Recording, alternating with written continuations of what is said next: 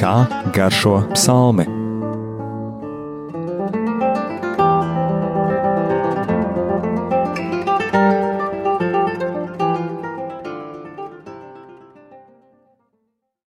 Slavēts Jēzus Kristus. Mūžīgi mūžos slavēts. Studijā Stela. Un Anģela. Un šodien atkal lasīsim kādu psalmu. Un šoreiz tas būs jau ar tādu ļoti gaišu slavēšanas noskaņu.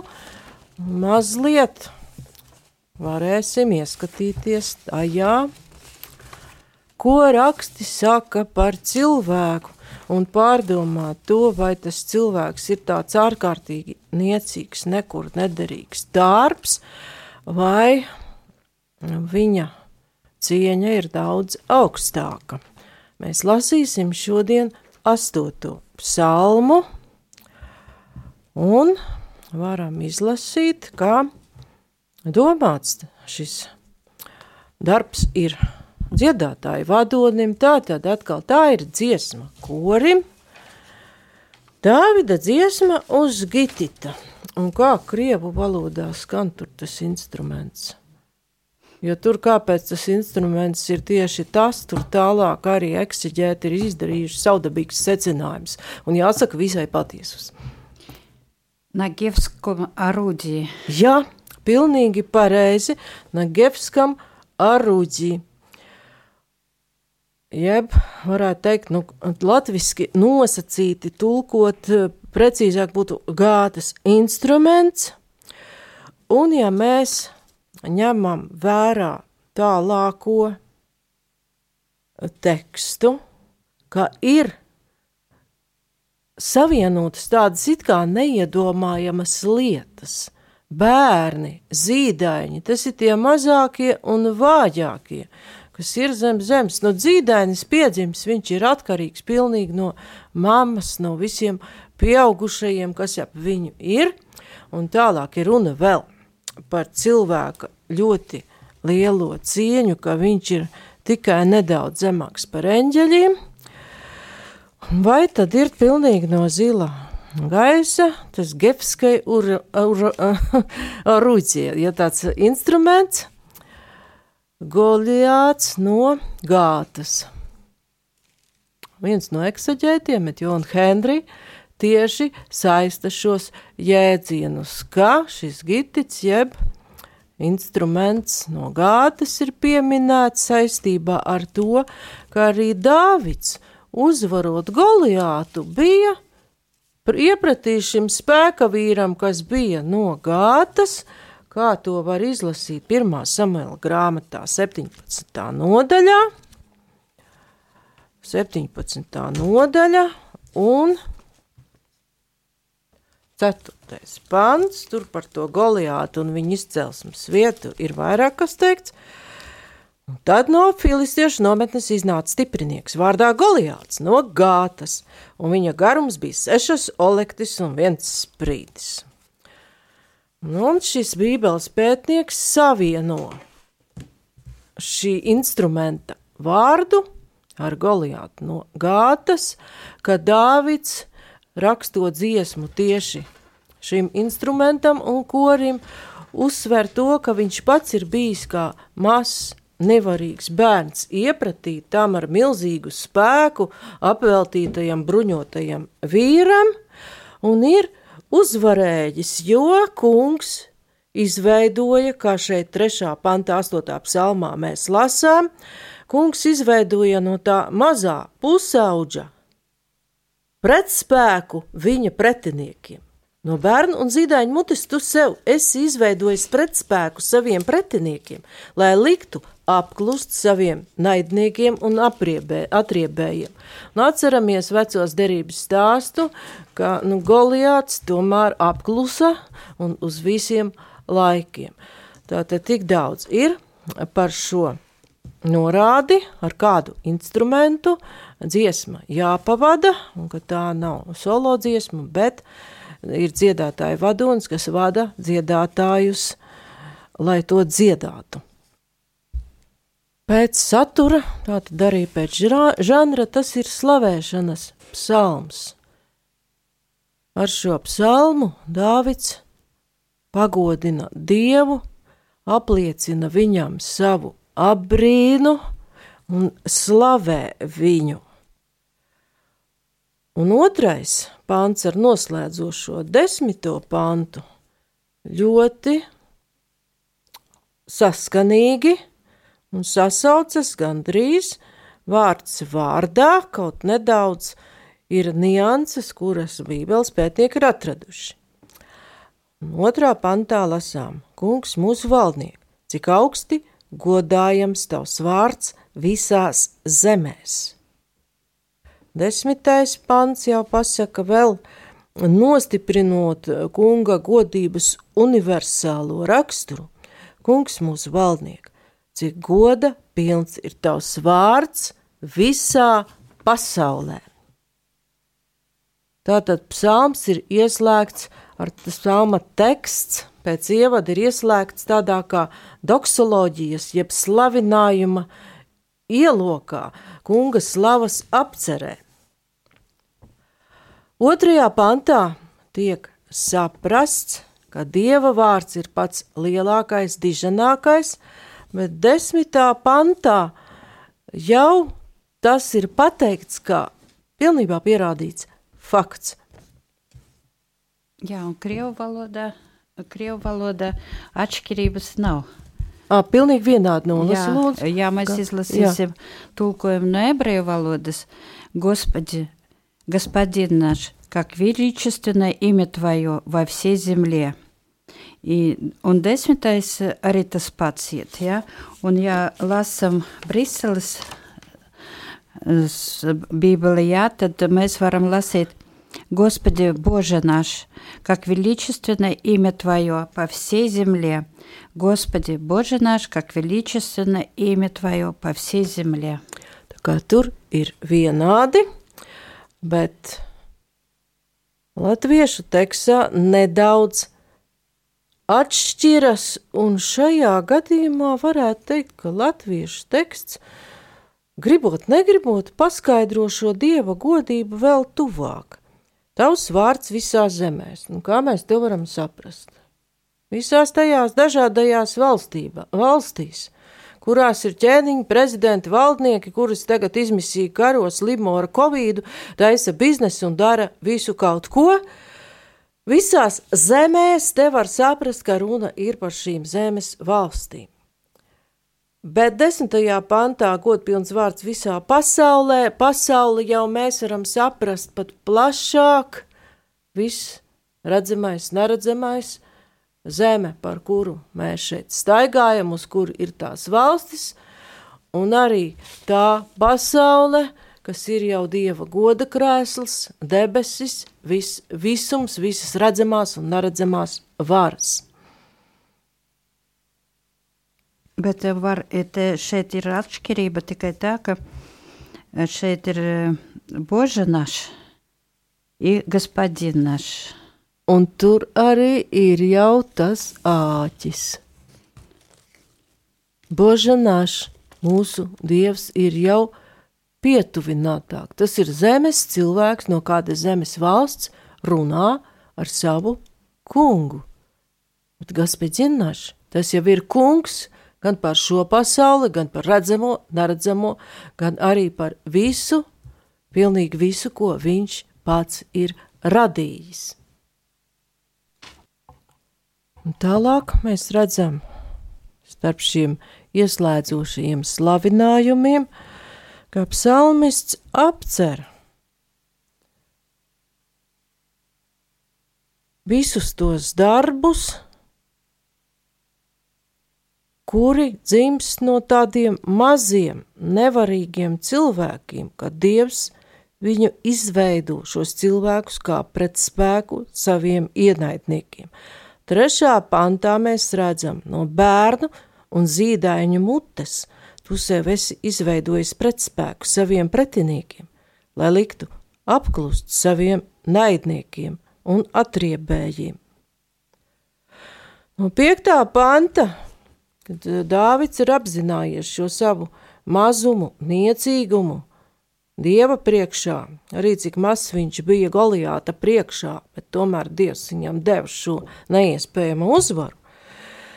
Viņš pievēršas tam, ka Dievs tomēr cilvēku ievēro un uzlūko. Kas gan ir cilvēks, ka tu viņu piemini, un cilvēka bērns, ka tu viņu uzlūko? Tikai mazliet tu viņu esi šķīris no Dieva. Tad tu pats Dievs esi šķīris no sevis. Šis teikums uh, neļauj īstenībā pat to domu uztvert. Un kā piektais pants skan Krievu valodā? Piektais. То, что есть человек, что ты помнишь его, и сын человеческий, что ты посещаешь его. Un no ebreju valodas piektais būs что есть человек, что ты помнишь его, и Сын Человеческий, что ты вспоминаешь о нем. Un sestais. Он сестась. Я. И ты умолил его немного перед ангелами, славой и великолепием увенчал его. Paldies! Šeit ir pieminēts tas, ka tikai nedaudz zemāks par eņģeļiem. Latviešu tekstā mēs to neredzam, ka cilvēka cieņa ir ļoti liela Dieva priekšā, bet tomēr ir šis norādījums, ka cilvēks ir atšķirīgs gan no Dieva, gan eņģeļiem. Он vēl ir э, славой и честью увеч- э, увенчал человека. Он славой и великолепием, великолепием. Viņa gaļiepī tas tāds lieliskums. Jā, Ka cilvēks ir lieliski radīts, kad viņš ir radīts labs un skaists. skaists, un tas mums arī kaut ko atgādina, ka šeit, šajos pantos, jau mēs varam redzēt radīšanas grāmatas apceri arī no tālākajiem pantiem. Ka viss ir labs. Un kā mēs varētu labāk saprast šo trešo pantu, ja mēs sāksim iet no tā. No bērna un zīdaiņa mutes tu sev esi izveidojis pretspēku saviem pretiniekiem, lai liktu apklust saviem naidniekiem un atriebējiem. It kā ļoti nesaprotami, ļoti paradoxāli. Iz, var saprast, tu sev izveidoji pretspēku saviem pretiniekiem. Ar ko tad Dievs īsti var cīnīties, un kas iziet no mutes, no bērnu un zīdaiņu mutes iziet tas pretspēks? Ar ko tad saistās mute? Un kas no tās parasti iziet? Lūkšana. Un starp citu, no kas sastāv lūkšana? Ļoti pareizi. Lūkšana arī ir, var teikt, ar ko parasti cīnās bērni eh, garīgo cīņu. Ar lūkšanu. Lūkšana ir vārds, kas iziet no mutes. Un arī Jēzus lūdzās uz Tēvu. Es tevi slavēju, Tēvs, debes un zemes kungs, ka tu šīs lietas ir apslēpis gudrajiem un saprātīgajiem un atklājis tās bērniņiem. Jā, Tēvs, šādi ir izpaudusies tava labvēlība. Paldies! Tātad atkal mēs jau redzam, ka ir runa par šiem maziem un bērniem, kuriem tiek ļoti daudz atklāts. Un šo astotā psalma tekstu atkārto arī pats Jēzus Mateja evaņģēlijā, 21. nodaļā. Un tur arī ir tāds ļoti nozīmīgs notikums. Mateja evaņģēlijas 21. nodaļa, un tur mēs varam lasīt. Ir, kad Jēzus iejāja Jeruzalemē un ir iegājis jau templī.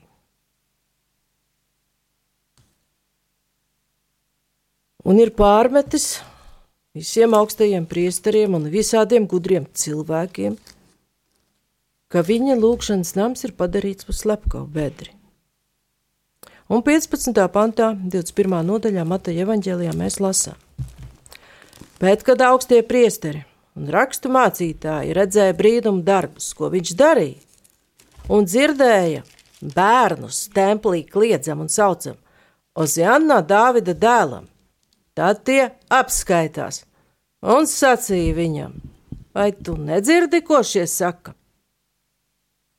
Nu, pēc uh, šo rakstu mācītāju standartiem, acīm redzot, bērni ļoti bezkalnīgi uzvedās templī. Arī Un Jēzus atbildēja viņiem, bet Jēzus saka tiem: Dzirdu gan, vai jūs nekad neesat lasījuši no bērniņu un zīdaiņu mutes tu sev slavu sagādājis? Un arī mēs varam lasīt uh, Svētā Pāvila pirmā vēstule korintiešiem. 26. 27. pants. Neaizmirstiet, brāļi, kādi jūs bijāt.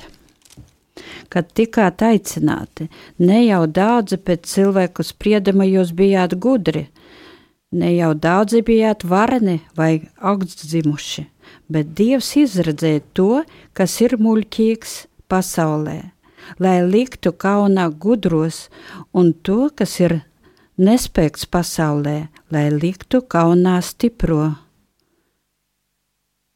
Paldies! Un vēl no šī teksta mēs varam jau saprast iemiesošanos noslēpumu, ka vārds iemiesojas ļoti necilā vidē, necilos apstākļos, Un no turienes, no tādas pieticīgas vietas, Betlēmē, šis vārds uzsāk savu ceļu, lai izietu pasaulē. Un vēl mēs varam redzēt, ka ko tad Jēzus izvēlējās par saviem līdzstrādniekiem. Jebkurš normāls personāla atlases speciālists teiktu galīgi garām visi neizglītoti, nemācīti, nu pa vidu bija arī viens otrs tīri mācīts un tāds zinošāks. Raksturs visiem nekāds, viens tur ir histērisks nodevējs, kā Pēteris, un tad viņš nožēlo un raud, tad citam vēl tur kādas vainas, un tie tagad uh, dibinās baznīcu, un izrādās, ka šī baznīca dibināta uz šādu it kā mazu, uh, nekam nederīgu cilvēku pamata pastāv jau divi tūkstoši gadu. Un no šo bērnišķīgo vienkāršo cilvēku mutes izgājušais vārds evaņģēlijas tiek sludināts visā pasaulē, kā Jēzus pats Mateja evaņģēlija noslēgumā arī mācekļiem, tiem mācekļiem, kuri it kā ir nekādi, bet kuriem Jēzus ir devis šo garu spēku un varu sludināt, sludināt pa visu pasauli, darīt visus par mācekļiem. Kā mēs varam lasīt 26. nodaļa no 18. panta. Jēzus piegāja pie tiem, pie tiem pašiem mācekļiem, kuriem tur ir nekāda izglītība un visiem raksturs nekāds. Un viņš viņiem saka, Man ir dota visa vara debesīs un virs zemes. Tāpēc eita un dariet par mācekļiem visas tautas, tās kristīdami tēva, dēla un svētā gara vārdā, tās mācīdami turēt visu, ko es jums esmu pavēlējis, un redzi, es esmu pie jums ikdienas līdz pasaules galam. Tātad iemiesūtais vārds – apsola savu klātbūtni un savu gudrību šiem cilvēkiem, kas spēj būt kā bērni un šo klātbūtni saņemt. Un vēl arī varam turpināt lasīt pirmo vēstuli korintiešiem 28. pantā, un kas pasaules, un kas pasaules neievērots un atstumts, un kas nav nekas, to Dievs izredzēja, lai izdildētu to, kas ir kaut kas, lai nekas miesīgs nedižotos Dieva priekšā. Pateicoties viņam, arī jūs esat Kristo Jēzu, kas mums ir gudrība no Dieva un taisnība un svētums un izpirkšanas maksa, lai būtu, kā ir rakstīts, kas dižojās, lai tas dižojās kungā. Paldies! Kā redzam, atkal šeit kā svētie raksti, viens teksts komentē citu tekstu, un šajā gadījumā Anģela lasa jauno derību, kur teksts komentē to, ko mēs lasījām psalmā.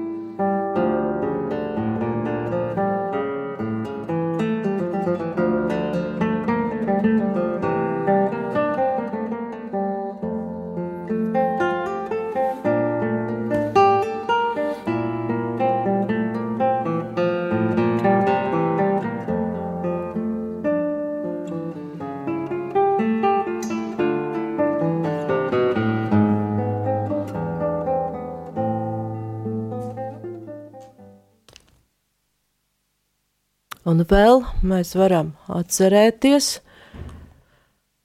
evaņģēlīja tekstu, kurā sacīts vēl nesen pat misas lasījums bija tieši tas, ka ja mēs netopam kā bērni, mēs nenāksim debesu valstībā, un vai noz, būt kā bērnam, tas nozīmē būt neizglītotam muļķim. Nebūt ne.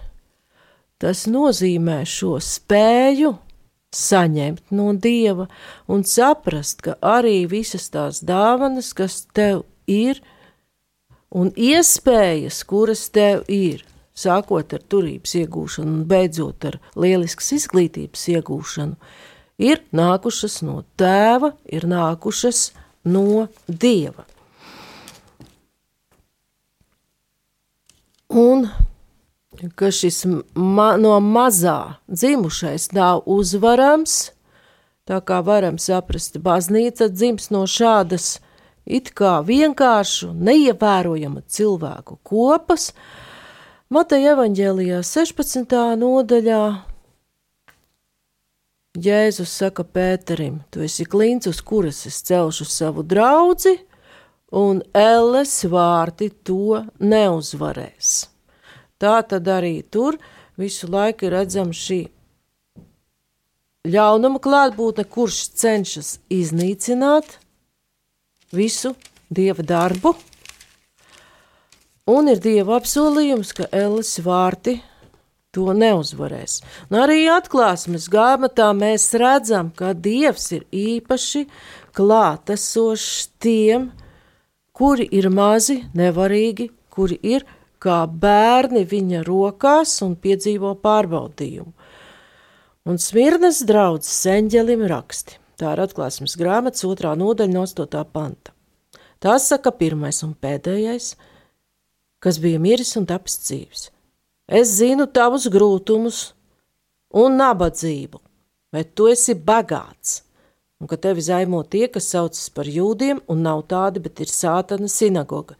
Nebīsties par to, ka tev būs jācieš. Redzi, vēlns metīs cietumā kādus no jums, lai jūs tiktu pārbaudīti. Jums būs bēdas desmit dienas, esi uzticīgs līdz nāvei, tad es tev došu dzīvības vainagu.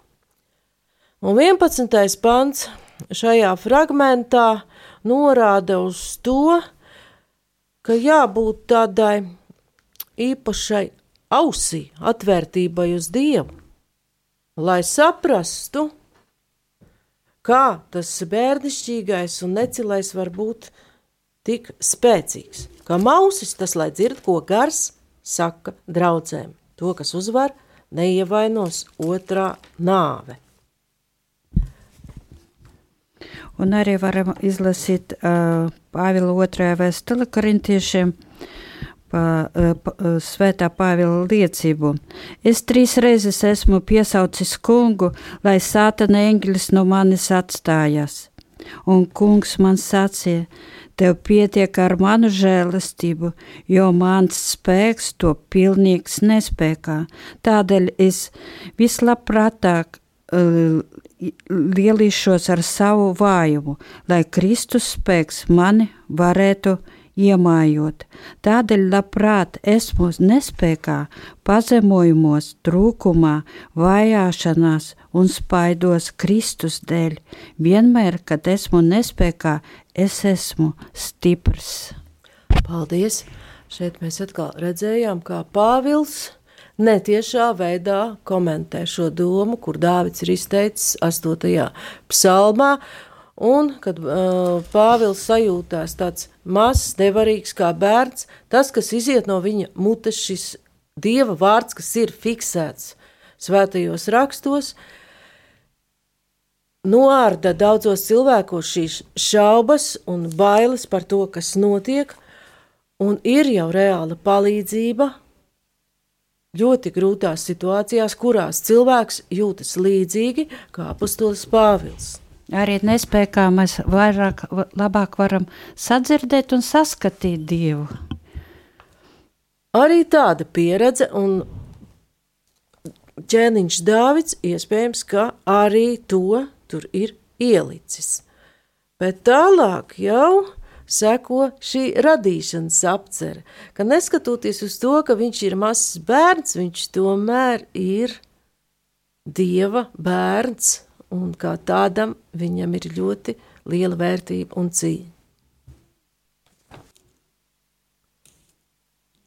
Un kā jau minēju, šajā psalmā ir dažos teikumos ietverta arī radīšanas apcere, jo ķēniņš – saka, kad es redzu tavas debesis, tavu roku darbu, mēnesi un zvaigznes, ko tu esi radījis. Kas gan ir cilvēks, kad tu viņu piemini, cilvēka bērns, kad tu viņu uzlūko?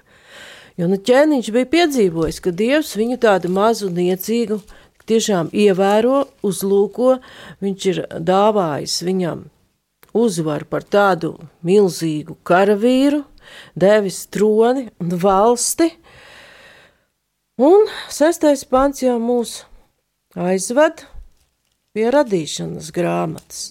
Tikai mazliet tu viņu esi šķīris no dieva, ar godību un varenību tu viņu esi pušķojis. Esi to darījis par valdnieku par saviem radījumiem, visu esi nolicis pie viņa kājām.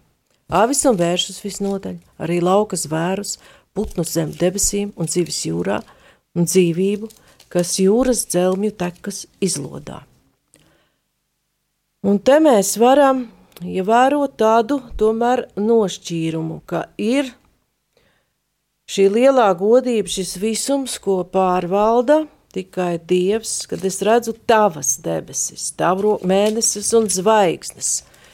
Tātad Dievs ir radījis šīs mēnesis, mēnesis un zvaigznes un debesis, un cilvēks, lai cik ļoti gribētu, viņš šajos visuma noslēpumos, tā īsti iekšā nemaz netiek. Dieva sfēra.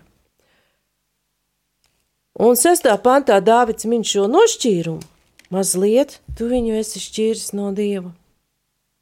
Un septītais pants parāda Dieva noteikto cilvēka darbības sfēru. tu esi darījis par valdnieku, par saviem radījumiem, tu visu tu esi nolicis pie viņa kājām.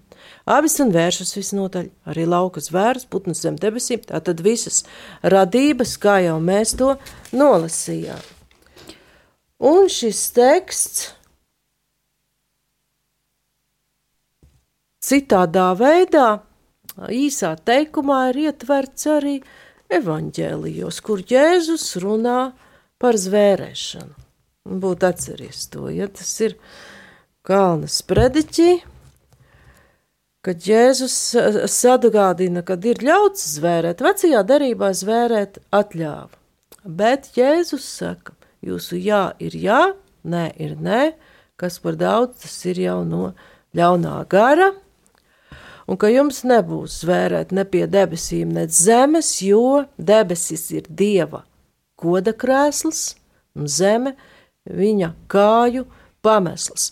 Un ar šo vārdu nav jāiedomājas, ka tā zeme priekš Dieva ir kaut kas tāds, ka viņš viņu grib kā tā panicināt ar šo vārdu. Bet, ja mēs atceramies, ka tur šajā kultūrā, kur raksti tapa, ļoti bieži austrumu valdnieks, ka viņš sēdēja tronī, un arī Eiropas galmos tas bija diženam valdniekam, viņam bija arī tāds kā paliknis kājām, kas ļoti bieži bija ļoti krāšņs un ļoti izgraznots, un kur valdnieks arī lika skaistos apavos ģērbtas kājas, un uh, visnodaļ šis priekšmets nebija nekāds tāds necienījams. Nacīm redzot uz šo tradīciju, teksts atsaucās. Un ko Nē, tad mēs? Es Jā. arī gribēju izlasīt radīšanas grāmatu 26. un 28. pantu. Pirm, un Dievs teica, Taisīsim cilvēku pēc mūsu tēla, pēc mūsu līdzības, lai tas valda par zivīm jūrā un par putņiem debesīs, un par lopiem un par visu zemi, un par visiem rāpuļiem, kas rāpo pa zemi. Un 28. un Dievs viņus svētīja un teica: Augļojieties un vairojieties, piepildiet zemi un pa Pakļaujiet to, valdiet par zivīm jūrā un putniem debesīs, par visu, kas dzīvs un rāpo pa zemi. Tas ir uzdevums cilvēkam, vīrietim un sievietei.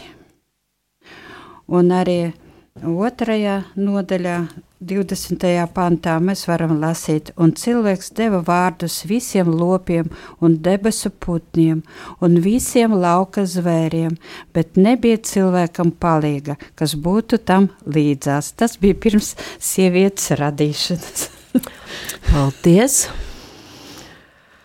Tālāk mēs varētu jau izvērst veselu diskusiju par vīriešu uh, un sievietes radīšanu un to secību. Uh, Un, starp citu, otrais teksts ir vecāks, un tas nebūtu nenonicina to sievieti, jo dažkārt ir tādi izteikumi bijuši, ai tā sieviete visur ir tā sliktākā, viņa tur otrā radīta, un viņa pēc tam radīta, un viņa tur izdarīja slikti, taču tā secība tur nav tik būtiska, jo Dieva valstībā, tur, kur viņš rada, uh, laika dimensija lineārā izpratnē jau nepastāv.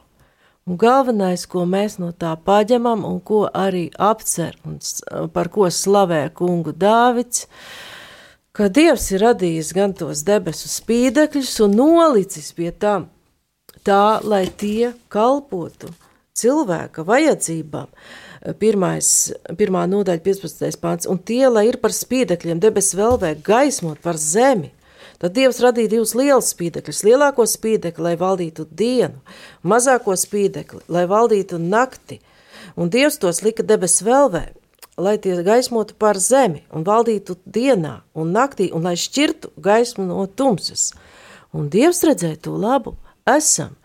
Tātad Dievs iekārto šo pasauli, lai cilvēkam šis pārvaldīšanas uzdevums būtu vieglāks, lai viņš atšķirtu dienas, naktis, gada laiks un saprastu, kad, ko darīt. Un, un ebreju valodā ir властелином, ты сделал его властелином над творениями рук твоих. valdnieks par dieva roku darbu. Tātad radošu. var, var teikt, radīšanas turpinātājs. Jā. Un tajā otrajā nodaļā, ko Anžela jau pieminēja, tur arī ir tas kopšanas un sargāšanas uzdevums. Un par abām radīšanas grāmatas nodaļām mēs kopā saprotam, ka pilnais dieva attēls ir šis cilvēku pāris, vīrietis un sieviete. Tātad tikai kā pāris kopīgi darbojoties, viņi var pilnvērtīgi turpināt šo radīšanas darbu. Un ka tas pārvaldīšanas uzdevums ietver nevis tādu pilnīgi bezatbildīgu resursu izsaimniekošanu, jo šobrīd mēs redzam, ka dieva roku darbs tiek iznīcināts, viņš tiek sabojāts, izpostīts, bet ka kungs ir uzticējis šo roku darbu kopt un sargāt, si turpināt radīt kopā ar Dievu.